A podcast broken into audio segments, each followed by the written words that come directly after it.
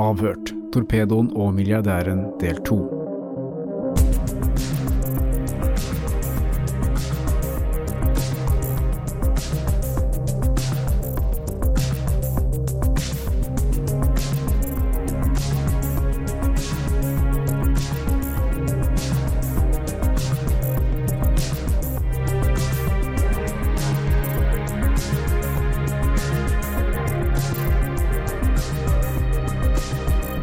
Jannik, du sitter i bilen eh, sammen med Kriste Tromsdal, og du bestemmer deg for å skyte ham. Fortell om det. Ja, ut fra den eh, situasjonen vi kom i der, da, med at han kom med nye, med nye, nye Harry Potter-historier, så hadde jeg, jeg hadde jo bestemt meg for at jeg skulle ta han der og da. Og da dro jeg gunneren og skjøt den. På grunn av at det var så trangt i bilen der, så blei hånda mi slått ned at den skuddet gikk i kne. Du bare skjøt den i kne? Ja. Og det visste ikke jeg sjøl, jeg trodde jeg hadde skutt den i magen. På grunn av at det var Christer som sa 'faen, du har skutt meg i kne'. Ja, hvor hadde du tenkt å skyte ham, da? Ja, det er som skuddet skulle gå. Ok, men skjøt du for å drepe? Jeg vil ikke kommentere mer enn det. Visste du at bilen var avlytta på det tidspunktet her? Det visste jeg. Men du skjøt likevel? Ja. Og hva var tanken da? Tanken var da at jeg kunne holde røyken utenfor. Men du var villig til å, å gå i buret, i hvert fall? da? Ja, Det var jeg. Men du tenkte da at du skulle slippe litt unna siden Siden politiet hadde pesa meg så mye som de gjorde med falskt grunnlag. På grunn av Tromsdal. På grunn av Tromsdal. mm.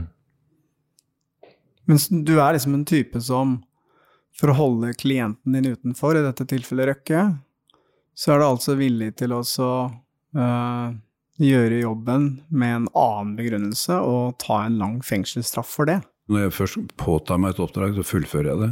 Så går jeg all in. Og så tar jeg konsekvensen av det det kommer. Hvor lang straff fikk du, da? Jeg fikk seks måneder for å ha hatt i gunneren, og så fikk jeg ett, en måned for vådeskuddet. En måned Mm. for det skuddet. Mm. Å ja, så det ble bare et vådeskudd? Ja. Hvor lenge hadde du vært villig til å sitte inne da, på 100 millioner? Jeg måtte, jeg måtte ta den straffa som var påtalemyndigheten ville gitt meg for, for det hadde visst sannheten for bak det oppdraget. Så nå måtte jeg sitte de åra som påtalemyndigheten hadde gitt meg. Hvis du hadde fått eh, 15 år, da? Det er en sånn risikotillegg vi må ta her i livet. Tenkte du at 100 millioner kroner var en grei betaling for å sitte 15 år i fengsel? Jeg tenkte ikke på at jeg skulle sitte noen, noen dager i fengsel. Så, men det blei bare sånn som det blei der og da. Hva, det, det høres ut som Var det noe impulsivitet i det her? Ikke, ikke, når- ikke, ikke når jeg sa ja til oppdrag nummer- nummer to på Aker Brygge. Da visste jeg hva, hva, hva jeg måtte gjøre for å få fjerna disse Tromsdal. Nei, men altså, det skuddet i bilen Kom du, tenkte du, kom du på det der og da? Nei, når jeg tar med gunneren, så er det for at jeg skal gjøre det jeg skal.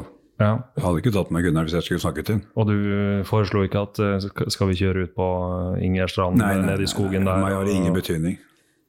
Men ville du at, i og med at du visste at bilen var avlyttet, ville du at politiet skulle meg, vite hva som skjedde? ja, for det gir, det gir meg den situasjonen at Røkke blir holdt unna for at jeg tar vare på mine klienter. Ja. Motsatt vei at de advokatene ikke vil ta vare på meg. Ja. Det er stor forskjell på lojalitet og ikke-lojalitet. Da du satt i bilen og hadde bestemt deg for å skyte Christer Tromsdal, var det utelukkende for å gjøre denne jobben for Røkke, eller var det også blitt personlig fordi han hadde dratt deg inn i Noka-saken? Det var ikke noe personlig der og da. Det var for å fullføre oppdraget for Røkke. Så kan du godt si ettertid at det kanskje hadde blitt noe personlig der og da, men det var ikke det som var poenget. Ok, så bare for å oppsummere litt. Christer Tromsdal, som du hevder, har presset Røkke for penger eh, gjennom en årrekke fordi han hadde tilgang til noen kompromitterende eh, bånd, og som eh, trakk deg inn i Nokas-ranet, slik at du da ble spanet på av politiet over en lang periode. Det ender da i en bil på Frogner, og med at du skyter ham i kneet. Vet du om han ble bra i kneet, eller? Etter den uh, informasjonen jeg har om, den, om det, så tror jeg den kula sitter helt nede i ankelen her på. Jeg tror ikke det er folk i kula. Så han har fått et minne resten av livet. Men den episoden i bilen uh, og det skuddet, det begynner egentlig i en penger som han skyldte deg? Ja, det var det jeg Ja. brukte da. Ja. For dere, jeg vet at alt er året her nå, jeg har full kontroll på den. ja. Men egentlig så var det For å få vekk fra oppdrag? Ja, for ja. det, da hadde han nok å gjøre. Å komme seg vekk i, i den retten som, som Kjell Inge skulle opp i. Ja. Men Kjell Inge visste ikke om dette her. Nei. At jeg skulle skyte den. Nei, men Kjell Inge visste at jeg skulle fjerne den. Kjell Inge er veldig enkelt. Han sier veldig til deg gjør jobben, jeg betaler. Mer vil ikke han vite. Og sånn er det jo den systemet der. Og det er jo riktig òg. I en NRK-artikkel eh, fra den tida rundt den saken, så blir det sagt at uh, Christer Tromsdal hadde hevda at uh, Røkkes advokat hadde skremt han såpass at han hadde valgt å lyve i et politiavhør.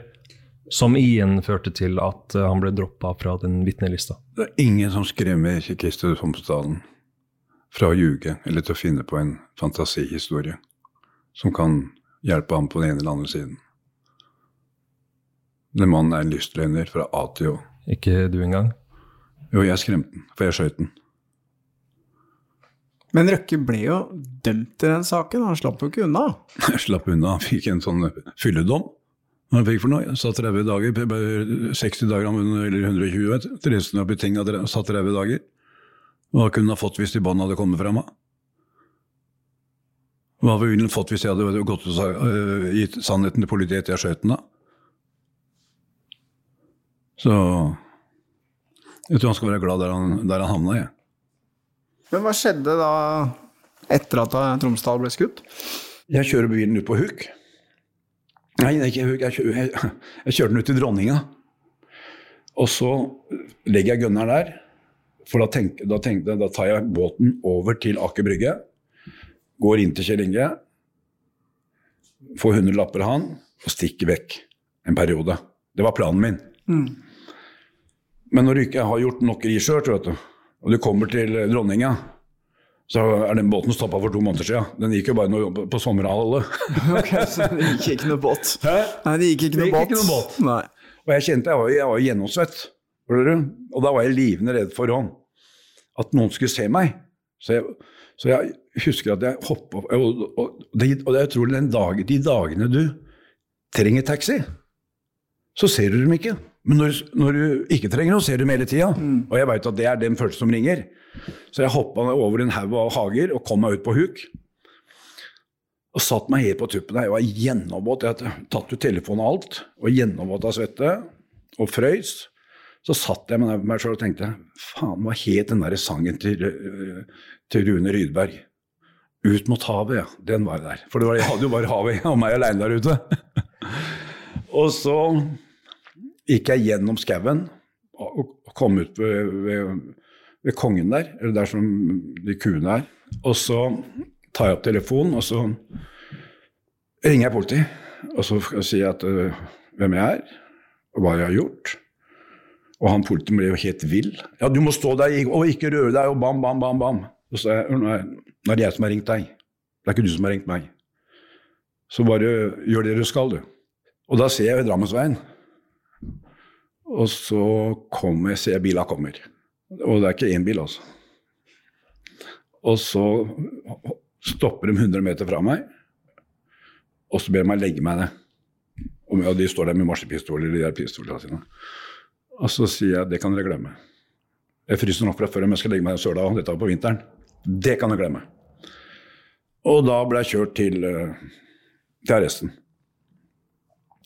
Og da er det jo da første jeg spør om, er å få tak i Jon Christian Helden. For det er det Anna Nilsson har gitt meg beskjed jeg skal gjøre når det smeller. Og da la vi en strategi på åssen jeg skal forklare meg når jeg må forklare meg. Sammen med Jon Christian. Ellen. Ja. Ja, hva var den strategien, da? Det var den strategien som det blei, at uh, Tromsdalen skyldte meg penger. Så det var derfor han fikk det skuddet. Ok, så Røkke ble ikke nevnt Ja, det nei, det kan jeg ikke gjøre. Nei. Det er, det er, det er ikke nærheten av nei. Men nevnte du Røkke ovenfor Elden? Ja, det vet jeg. Dette visste de i forkant. Hva som, de visste ikke hva som skulle skje. For de regnet med at han, at han ble borte for evig. Ikke sant? Men sa han på noe tidspunkt 'hold Røkke utenfor dette her'? Nei, nei, det gjorde han ikke. Det gjorde han ikke. Det gjorde Nei, han nei. Han gjorde sin Holdt seg til det jeg sa. Sånn og sånn og sånn. Og så Og det eneste jeg var opptatt av da, det var bare øh, For da ble jeg bura. Jeg fikk jo en måned isolasjon. Så, så kommer hent, kommer kona mi og dattera mi. De får lov å besøke meg da, med politi i Kina. da. Når du får to jenter som du er veldig glad i og blir sånn. Så må du holde maska. Du må ikke vise at du Du må ikke vise følelser, fordi de skal gå derfra. Jeg veit jo hvor jeg skal være. Jeg vet jeg, jeg vet at jeg skal være her lang tid. Og når de forlater der da, så sier hun ene politidama til meg at Jannik, fortell du sannheten, så går du før. Så får du julaften. Og da sa jeg bare til henne takk for den gaven du, du ga meg nå. Den holdt. Det var den. eh. Og så slapp de meg 1. januar 2001, nei, 2005. Skal vi tar en liten pause? Jeg må ikke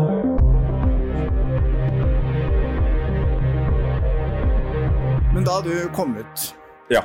i januar, hva skjedde videre da? Når jeg kom ut fra fengselet Første møte jeg hadde med Ellen Nordlanger Andenes oppe på hennes kontor, og Anna Nilsen Første hun sa når hun møtte meg og så meg, Jannik, hvorfor skøyt hun ikke i huet? Du eh, Jeg er litt sjokkert, det må jeg bare ærlig innrømme. Altså, respektert advokat Ola Grandes stiller deg et spørsmål om hvorfor du ikke skøyt Christer Tromsdal i hodet. Ja. Ja, hva svarte du De Jeg gadd ikke å svare på det. Men var det et spøk? Det må ha vært en spøk. Det fins ikke noe spøk, for det ser du i ettertid. Det, Når det som kom fram, var hva, de Christer forteller i retten når han kom i retten, at de har prøvd å kidnappe ham. De to menneskene der, de hata Christer Tromsdalen. Ja. Og, det var ikke, og dette er ikke første gang hun sa det. Hun sa det flere ganger. Ja. Um, Hvorfor ikke skøyt et svin i huet? Var dere to alene da det ble Anna? Nilsen var der. Så hun kan eventuelt Hun kan eh, bekrefte det, men det er jo taushetsplikt og alt mulig. Så du kan si at hadde de Det er de Det er de som er del av den strafferamma jeg, eller det, de, de jeg må inn og sone nå. Ja, hadde de fortalt sannheten, så hadde det vært helt annet, eh, eh, helt annet case. Da måtte ikke da, da 15 år for bestilling og for å fjerne en mann. Ja. Så den makta og de pengene han har brukt, det er bare til å spy av. For dette er rett og slett et justismord. Og den kommer jeg aldri til å gi meg på, uavhengig av hvor lenge jeg må sitte. Men det som forundrer meg litt, er jo at du ble jo dømt for et vådeskudd. Men du sitter jo egentlig nå og innrømmer at du Det var ikke noe vådeskudd, du hadde egentlig tenkt å skyte han Skyte han. Ja, Men er du ikke bekymra for at uh, noen skal komme etter deg med nye anklager? det kan komme hva de vil. Jeg forteller sannheten. De vet sannheten. Og Kjell Inge drar meg inn i en falsk anmeldelse. At jeg pressa han for penger. Jeg hadde aldri pressa han for to kroner i hele mitt liv. Så bekymrer jeg ikke i det hele tatt at du nå sitter og innrømmer at uh, det var ikke noe vådeskudd, du hadde planer om å skyte han.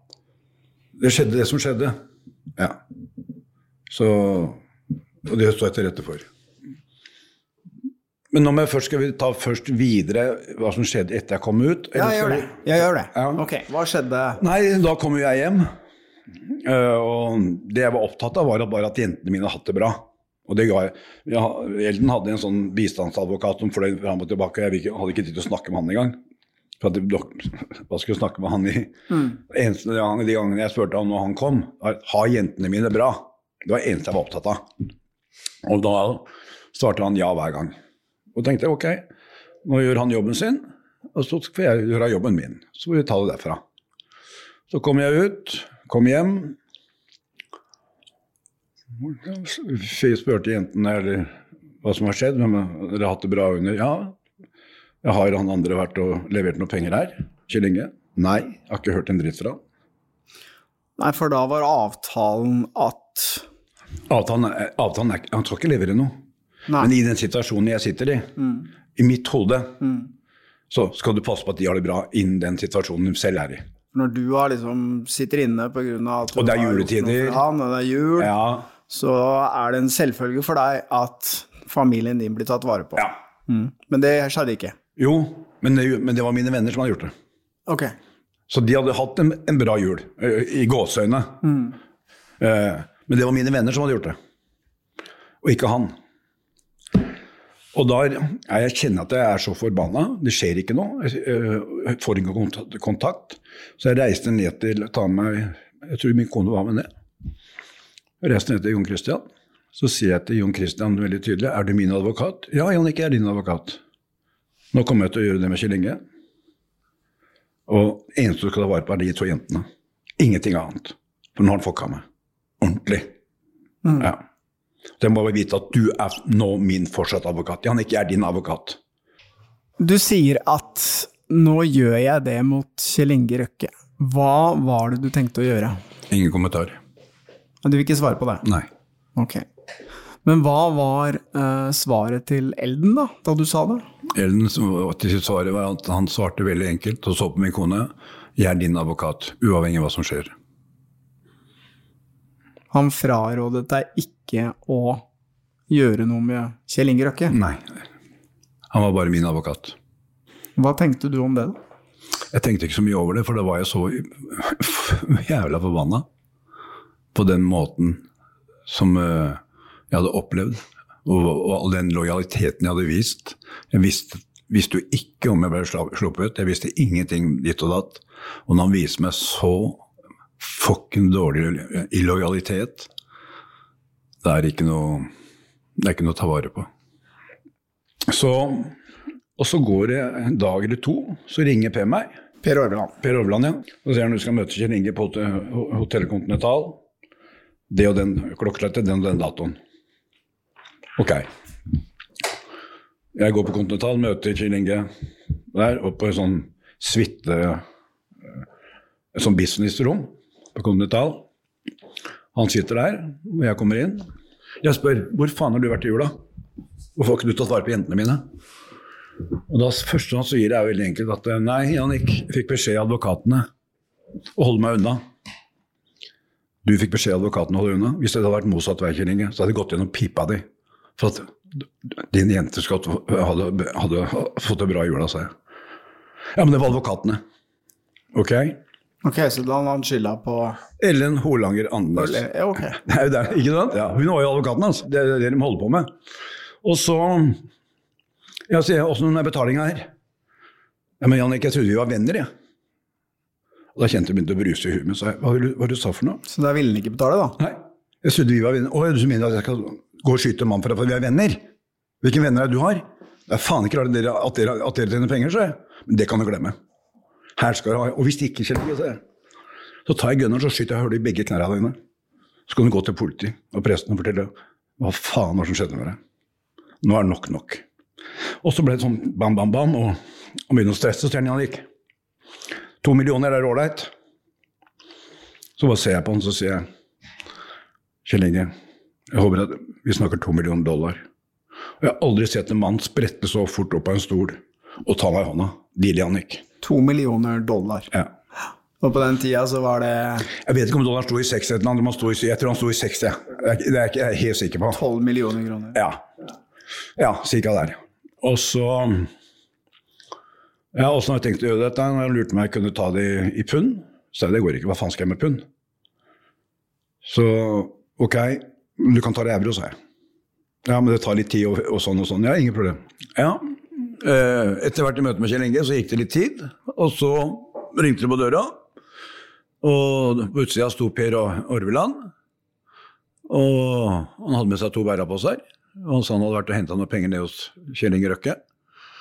Og jeg sa ok, vi går inn på soverommet. Og der la vi penga ut på Vi tømte dem opp, opp i storsenga mi. Og Per var jo litt stressa, så han ville bare komme seg fort ut derfra. Så jeg gikk etter han og sa Per, her er det, har du noe ekstra? Og så får det var det lille jeg skylder deg. Så ja, men det var ikke å sy med Nei, men det er i orden. Ferdig, ferdig snakka. Så du skyldte Per Ja, det var penger? noen dokkepenger. Dokkepenger? Ja. Jeg tror jeg skyldte den 10 000-15 000 kroner bare. Ja, okay. Og i, etter jeg hadde fått, fått uh, gått tilbake til soverommet og telt opp pengene, så var det to millioner kroner.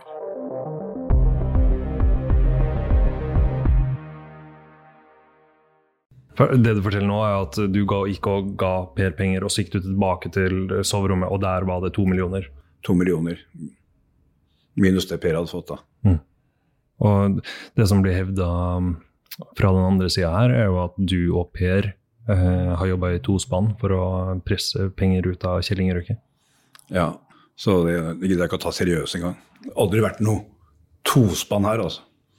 Og det går vel en tid, om det går 14 dager eller tre uker, det skal jeg ikke være helt sikker, øh, være helt sikker på, men så kommer han tilbake til meg og sier at Jannik, du skal reise til Paris, og du skal møte en mann der for å motta restbeløpet mellom deg og Kjell Inge. Eh, Jeg og min kone reiser nedover. Jeg skal møte en, en annen mann der nede som har, som har bedt om å få lånt halvannen million kroner av meg gjennom en tredjeperson. Jeg kjenner ikke mannen, men jeg vet han sitter på Café de Paris, eh, for det var der vi, jeg ga beskjed han skulle treffe meg. Ja. Og han hilser på min kone, og vi sitter her og bare venter på telefonen fra Per.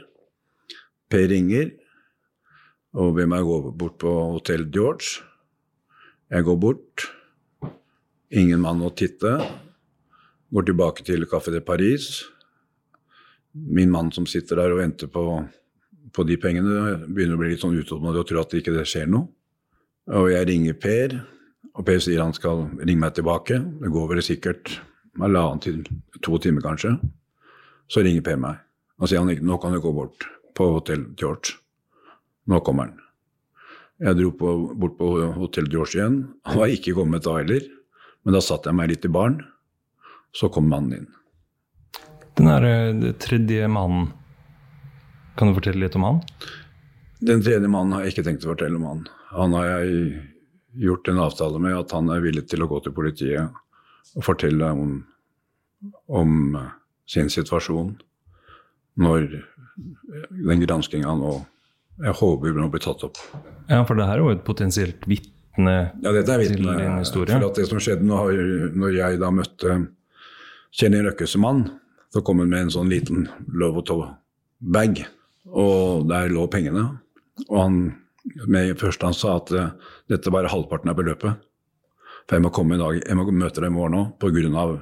jeg tok tog fra England. Og jeg turte ikke å ta med hele beløpet hvis noe skulle skje på veien. Han kom fra England. Han kom fra England, Ja. ja. Og så er det er ingen problem for meg, det er greit. Vi, tok, vi, vi satt i baren litt og tok en drink, og han fortalte litt om seg selv. Han fortalte mye om Kjell Inge, eh, og hva han hadde rydda opp i for han. Så Men det var en fantastisk eh, koselig mann. Men Fortalte han noe om eh, hva slags relasjon han hadde til Røkke? Jobbet Han han var, for Røkke? sånn, eller? han var vel en sånn eh, type som meg. Måtte inn og ta og rydde opp etter den. Så han dro altså med toget fra London da, til, eh, til Paris, og så ga deg halvparten av beløpet i en Louis Vuitton-bag. Ja. Og så skulle han ja. komme tilbake igjen med andre halvparten dagen etter. Dagen etter. Og. Og han fortalte meg at han drev med hester. Så han var, hadde en liten ranch, jeg vet ikke om det var i LA eller hvor det var, om det var Argentina, men han hadde en, en ranch, da. Men han, og da, når jeg da fikk den, den, den posen, da, så dro jeg tilbake til Café de Paris, møtte min kone og den tredje mannen som var der. Vi dro opp til hotellet som jeg hadde bestilt, tømte posen ut, og han bare så i øya til han, for det var jo over 400 000 euro. Og jeg bare så øya hans bare wow.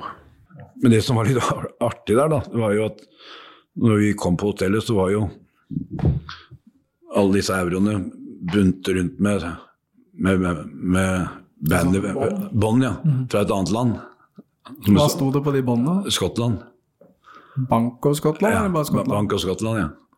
Og, det, og da tenkte jeg med en gang wow, hvorfor har vi ikke tatt bort dette her? Sånn, det, sånn jeg måte jeg tenker på, da. Så da han fikk sine penger, eh, forlot hotellrommet og dro, dro hjemover. Og han, tok til, med, han har til og med tatt pengene, bilde av pengene. Men de bildene, finnes de i dag? Det får vi se. Og neste dag så dro min kone videre ned til Saint-Tropez.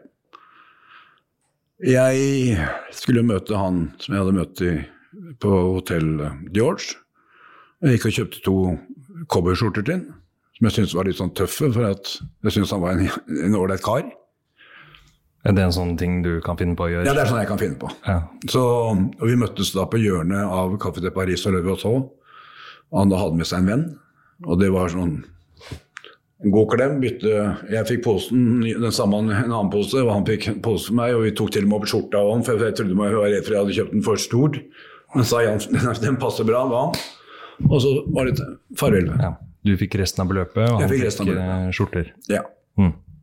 Og siden eh, har du møtt han? Aldri møtt han siden. Nei. Og så reiste jeg ned til Saint-Tropez dagen etterpå. Eh, hørte, du, hørte du noe mer fra han, eh, det, han som skulle låne pengene? Han, Han ringte meg tilbake og fortalte at uh, kofferten var kommet, og han var kjempeglad. pengene kom frem? Pengene kom frem, ja. Hvor mye penger totalt fikk du på de to dagene? Det var eh, 800 og enten 59 eller 69 000 euro. Og når jeg hadde telt over alt, så ser jeg at jeg, jeg har fått 30 000 for mye. Ok, nå har du fått 30 000 for mye. Ja, Og det gir jeg beskjed til Per når jeg kommer hjem, at hvis ikke, ikke lenge vi har hatt tilbake til 30 000, så kan jeg få dem. For at det, det, det var for mye. Jeg, hvis vi, når vi først har kommet til forlik, så får vi gjøre det riktig på den ene eller andre veien. Og det var, det, gikk, det var helt uinteressant. Så, så sånn var det. Og da var vi, da var vi ferdige med hverandre. Ja, da var det liksom vel forlikt og opp og avgjort. Ja. Begge parter fornøyd, begge parter har diskutert finito. Bam. Så begynner jo ting å skje. Det med Per, at han da går øh, øh, Prøver han å få sine, sin del, som han mente hadde rett. Ja, for Per Arveland har jo, jo tatt opp noen samtaler eh. Det er mange som driver og tar opp ting. Ja. Men hvorfor han gjorde det, får vi stå for. Men ok, det som er interessant her, er jo at underveis i denne Alt det som skjedde, da, med, med det som ble gjort, og de pengene som betalte ut, så var jo Per Orveland da en mellommann Ja. mellom Røkke og deg. ja. Og han har jo også tatt opp veldig mange samtaler. Etter at du har fått disse pengene, da, er 12 millioner eller hva det var for noe, så er jo på mange måter ditt forhold til Røkke avsluttet, og dere er eh, vel forlikte, og det er ikke noe Ikke noe, ikke noe tårer, ikke noe blod, ingenting. Nei. Er det da at Per Orveland melder seg på igjen, og gjerne vil ha penger han nå, da, eller hva er det som skjer videre da? Men jeg vet ikke hva de holder på med hele tida. Nei, Men på et eller annet vis blir jo du trukket inn i dette her. Ja, jeg blir trukket inn i det når mitt Når jeg må møte øh, på kontoret til Morten Furuholmen. Du blir kalt inn til et møte hos Morten Ja. Advokat Morten Furuholmen. Ja. Hvem var det som kalte inn til det møtet? Johan Christian Elden kalte meg inn til det møtet. Elden. Ok. Ok, hva skjedde på det møtet? Det, det, det skjedde er at vi skulle høre på lydbånd med meg, som Per har tatt opp. Ok, så Per har Av tatt meg. opp samtale med deg òg. Ja. Okay, Og da det? fikk jeg litt sånn wow! Hva faen er dette for noe? Så vi var der, og da var det sånn at alle telefonene ute av rommet som vanlig. Og jeg setter meg ned, og så Eden ser at jeg er uforstigbar, at jeg, at jeg, at jeg er varm i panna. Han kjenner meg så godt. Så han sier til, eh, før vi setter oss ned og åpner det båndet Jannik, husk på nå er vi gjester her hos, hos Furholmen, så vi må oppføre oss ordentlig. Der skal Eilen ha litt ros for at han roa meg ned. Ok, båndene med meg blir lagt fram. Begynner å spille av. Jeg husker jeg sitter sånn, sånn i bordet. Med henda for øra? Ja. ok. Ja.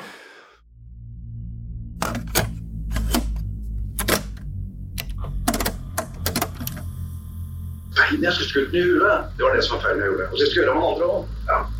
Mange tråkka meg så fucken jævlig. Fra første dagen jeg møtte den der bak i brygge.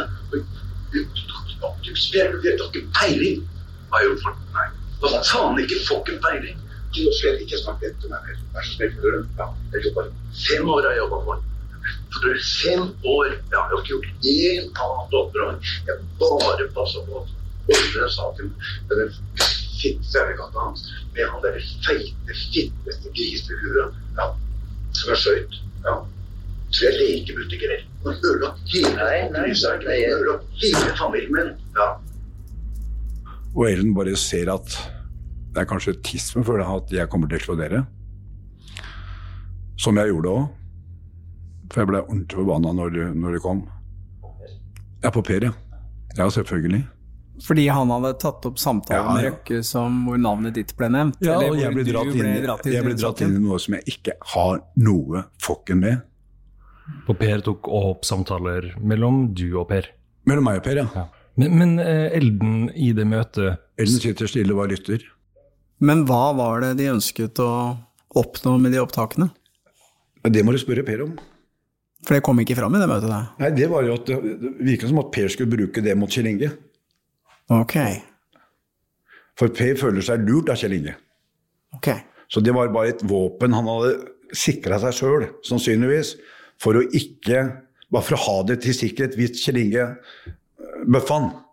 Vi må bare stoppe opp litt dette her, for dette er som en sånn derre Det er jo som en film eller en TV-serie hvor det har vært et, eh, et trekantforhold, hvor eh, Per Orveland har på mange måter vært mellommann mellom Røkke og deg, og så når eh, du har fått betalt, så kommer det plutselig en brå sving i historien hvor denne mellommannen Per Orveland nå har også tatt opp ting, og gjerne vil sko seg litt på dette her. Og det er på mange måter da du blir kalt inn til det møtet hos Ja. Morten Furuholmen.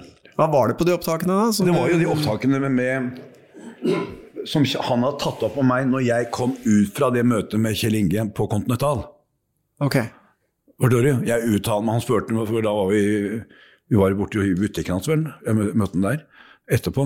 Og han, han spurte åssen det gikk. Og da var jeg Da skulle jeg tømme meg. For jeg følte meg så Selv om vi hadde kommet til forlik, så var jeg så forbanna Ja. på den måten alt dette er blitt gjort på.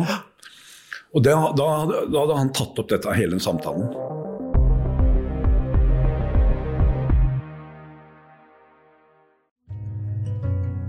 Hvis du setter pris på Avhørt og syns at den jobben vi gjør er viktig, så kan du støtte oss ved å vippse til 8075 99, eller søke opp Batong Media i vips appen Og vi setter stor pris på alle bidrag, store og små. Men skulle han bruke det mot deg, eller skulle han bruke nei, det ikke mot, mot meg. Røkke? Nei, nei, jeg tror ikke han skulle bruke noen, jeg. Ah, nei. Nei, det tror jeg ikke, sånn i etter tror jeg ikke han skulle bruke det i det hele tatt. For han visste at det ville få konsekvenser. Men han gjorde det. For han, han ble, han ble, så lenge han følte seg bøffa av Kjell Inge. Og det er klart at Han prata jo om at Kjell Inge hadde pratet om de 10 og ditt og datt, men det er ikke min business. Så når vi har fått gjort dette her, så dro vi da, gikk vi oppover, og jeg sa til Jon Christian at her må vi finne en løsning. Her må Kjell Inge på bordet. Ja, han skulle snakke med Kjell Inge. Eh, jeg hørte ikke noe mer. Eh, I ettertid så, så jeg jo i avisen at Jon Christian Elden var der på vegne av Røkke. Og da forsto jeg jo ingenting. For det var jo han som hadde ringt og bedt meg komme på det møtet for å høre de båndene. Ja, han kan jo ringe det og, og som, Og jeg som han, jeg trodde han da var fortsatt min advokat. Ja, Og det var han på det tidspunktet? Det, selvfølgelig var han på det, det, det tidspunktet der. Ok. Ellers måtte han ha gi- gi- gitt, gitt meg et annen, en annen advokat. Hvis han var Røkkes advokat. Hadde du løpende dialog med Elden opp frem til det møtet her? Når, når, når prater du med han Vi hadde ikke noe kontakt med etter 2005, før dette her kom på, kom på, på banen. Nei. Men du anså det som om at eh, dere hadde et uh, Ja, så lenge ikke jeg har gjort noe gærent i mellomtid, altså, og, og sånt noe, så har ikke jeg brukt noen andre advokat enn Jon Christian Ellen. Nei. Og hvis jeg hadde gjort noe gærent, så hadde jeg, hadde jeg jo ringt Jon Christian Ellen. Og han var din advokat, var min advokat, som ja. du ser det? Ja. Ja. Så du møtte opp et møte hvor du egentlig ikke hadde noen advokat, du da. Da representerte Elden Kjell Inge Røkke, og Morten Furuholmen representerte Per Orvland, og du Var alene. var alene. Ja. Men det skjønte ikke du Det forsto jeg ikke da. før etterpå. Nei. Fra, her leser vi da i eh, avisa fra 9.6.2017. Det er jo den digre artikkelen med de her lydbåndet. Det er jo papirutgaven.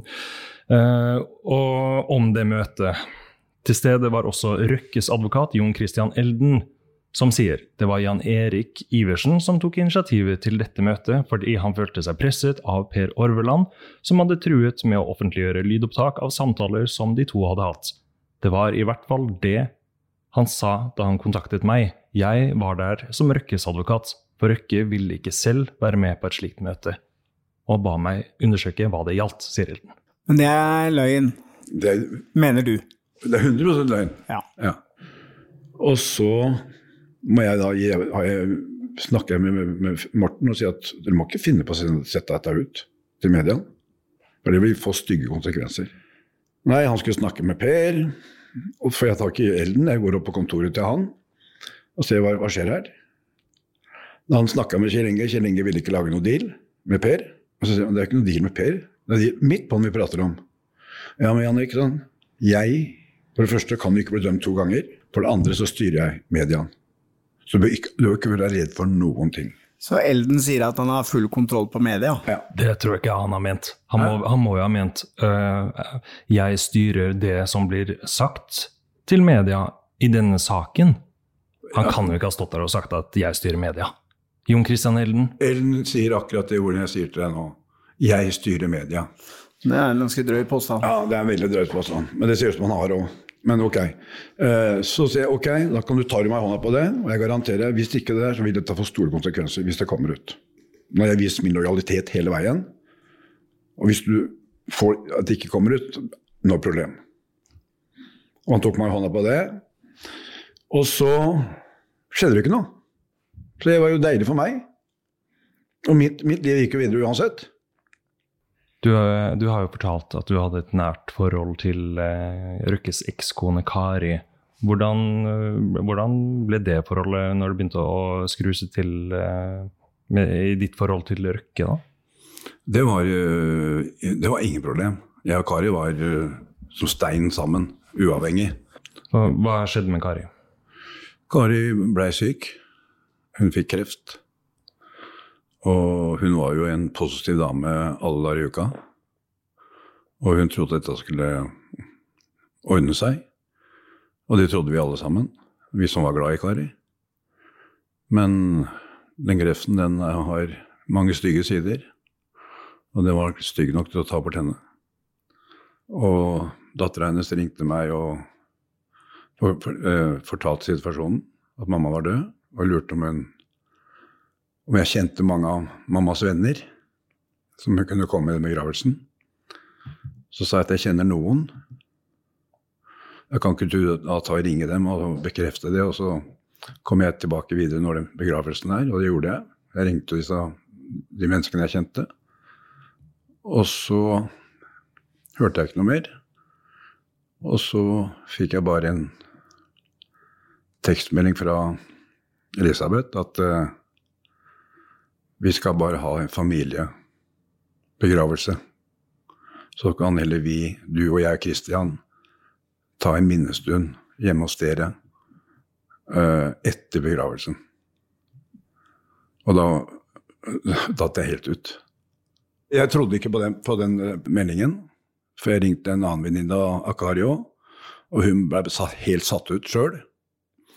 Og da tenkte jeg meg ok, det eneste måte jeg kan få bevis for det, er at jeg går bak i kulissene og ser hvem som kommer den dagen begravelsen var. Du dro hjem begravelsen. Jeg dro begravelsen, holdt meg skjult, så hvilken hvem som kom der. Og det var de vennene jeg hadde ringt. Ja. Og da forsto jeg at ok, her er det en mann som har tatt til orde for å ikke latt meg komme inn i den begravelsen. Og det var Kjell Inge Røkke. ja. Men foretok du det noen ting i den, den begravelsen, eller Nei, tok, tok jeg du bare, kontakt etterpå? jeg bare var der jeg var, og så forlot jeg stedet. Observerte fra avstand? Ja. Mm. Og det slo meg helt ut. Men jeg har jo i ettertid bedt om unnskyldning. Både sønnen har bedt meg om unnskyldning, og Kjell Inge har bedt meg om unnskyldning. Så Men sånn er det. Men eh, tilbake til de båndene. Hva var det som skjedde så? Så ringer Ari Holden meg. Han har vært, han har vært advokaten min i én sak. Eller han har ikke snakka med meg på hvert fall ja, Det er mange år siden. altså. Så sier han at 'Hei, og fy faen, du er en av de flotteste gutta i byen, og du er robust, og fy faen, som går det med deg', og bam, bam, bam, bam. Jo, alt er bra. Ja, hvis du trenger noe hjelp, så veit du hvor jeg er henne. Nei, alt er fint, Arild. Takk for den. Og, og så tenkte jeg ikke noe mer over det. Og så ringer VG. Og det, og det jeg sa, hva, var, det jeg sa for noe? Jeg sa et sånt stygt ord. Hva er dette for noe fuckings jævla bullshit? Ja, akkurat det sa jeg. Men hva var det VG satt på da? Da satt de på de båndene. De hadde fått båndene av Orveland? Ja. Ok. Da ringte jeg i Ari Holden og sa vi må møtes. Han forsto jo det. Så sa han at vi ikke møtes på Kontinental klokka åtte om morgenen. Jeg forteller, forteller han situasjonen. Han sier at dette har vi, vi får vi kontroll på. Ikke vær redd for noen ting. Jeg og Elden, vi er, vi er bulldosere. Så jeg, hvis det kommer ut Det kommer ikke noe ut. Og dagen, samme dagen som, jeg, som dette kommer ut, så kjører jeg kona mi til um, legen nede på Skøyen der. Og når hun kommer seg i bilen, så ringer Holden meg. Jeg først ringer VG. Sånn er VG ringer meg først. Så sier de Jannik, dette er bare spill fra Hellen og, og, og Holdens side. Bare så du er klar over det. For da, 8.6.2017 er det her, da Ja. kommer det en stor reportasje i eh, VG på forsida, Mm. og de har en lang eh, reportasje på nett der man kan høre deler av de her opptakene. Helt riktig. Og da, øh, og da s- sier han Han var real, han i VG, for han sa at de lager et spill mot deg. Bare så han er klar over det. Men jeg altså, bare la på røret til han. Du? Og så ringer Holden meg en gang opp. Så sier han Jannik, ikke snakk med noen aviser. Dette er prøver, prøver å lage en komplott, en splitt mellom meg og Elden. Prøver, tar han den, ikke sant? Da sa jeg Arild, jeg holder fortsatt mine ord. Så ikke tenk på det. Bra, Jannik. Bam. Jeg ringer deg seinere. Så får jeg en melding klokka halv åtte eller åtte om kvelden på samme dag. Og jeg får melding, altså. Jannik, alt kommer ut i, i, i, på TV 2 klokka ni. Tenkte jeg, fy faen, din fucken jævla feige dritt. Du har bedt meg holde meg nede hele tida, så har du ikke mann til å ta, ta telefonen og ringe meg og si Jannik, det kommer nå allikevel. Du sender meg en tekstmelding. Hæ? Jeg kjører opp til dattera mi, for da, de vet jo ingenting. Bare for at vi vil være sammen med henne. Og så kommer dette helt ut. Og det er jo klart at det er jo en jækla nedtur for familien. Først øh, kona mi som har en mann som, er, som tar de valgene, uten at hun vet noen ting. Og dattera mi som skal stå og feise dette her overfor sine venner, og de vennene hennes kjenner jeg veldig godt. Så det blir veldig sånn følsom akkurat den, den der, der. Jeg, sitter, jeg kjenner den sitter i kroppen. Men jeg kjenner mer på den illojaliteten til de andre. Den, den er, eh, er sånn, den kan jeg ikke leve med. Så, når dette har kommet ut, så har jeg møte med Holden, og han sier Jannik, du får et møte med Kjell Inge. Og det ble jo ikke noe møte med, med Kjell Inge. Det var jo bare svada og svada og svada, til jeg gir beskjed at uh, dette ordner jeg sjøl. Så bestemmer jeg meg for å reise ut til eh, Fornebu selv. Ja, på, for på Fornebu, der er kontoret til eh, Aker og Kjell Inge Røkke. Der er hovedkontoret til Kjell Inge Røkke og Aker, ja. Helt korrekt. Kjører utover sånn ved ti-halv elleve-tiden, hvis jeg ikke husker helt feil. Kommer inn i tunnelen til Fornebu. Tilfeldigvis da ser jeg en Audi foran meg, som jeg tror er den gamle til Kjell Inge. Men jeg er ikke sikker. Eh, Så jeg følger bilen inn i garasjen. Jeg ser han skal lukeparkere kjøre inn på sin parkeringsplass. Da ser jeg at det er Kjell Inge som sitter i bilen. Da får han øye på meg, og jeg ser han stivner i blikket. Og han sitter eh, sannsynligvis og tenker litt hva, hva skal han gjøre. Men han kommer ut. Og første han sier, er at eh, Jannik, hva vil du oppnå med dette her? Og jeg sier hva jeg vil oppnå med dette her. Nå skal vi ta oss en gutteprat. Det er det jeg vil oppnå med dette her. Avhørt er produsert av Batong Media. Redaksjonen vår består av Stein Morten Lier, Helge Molvær og Lars Christian Nygårdstrand. For å komme i kontakt med oss eller se eksklusivt innhold, søk opp Avhørt på Facebook og Instagram.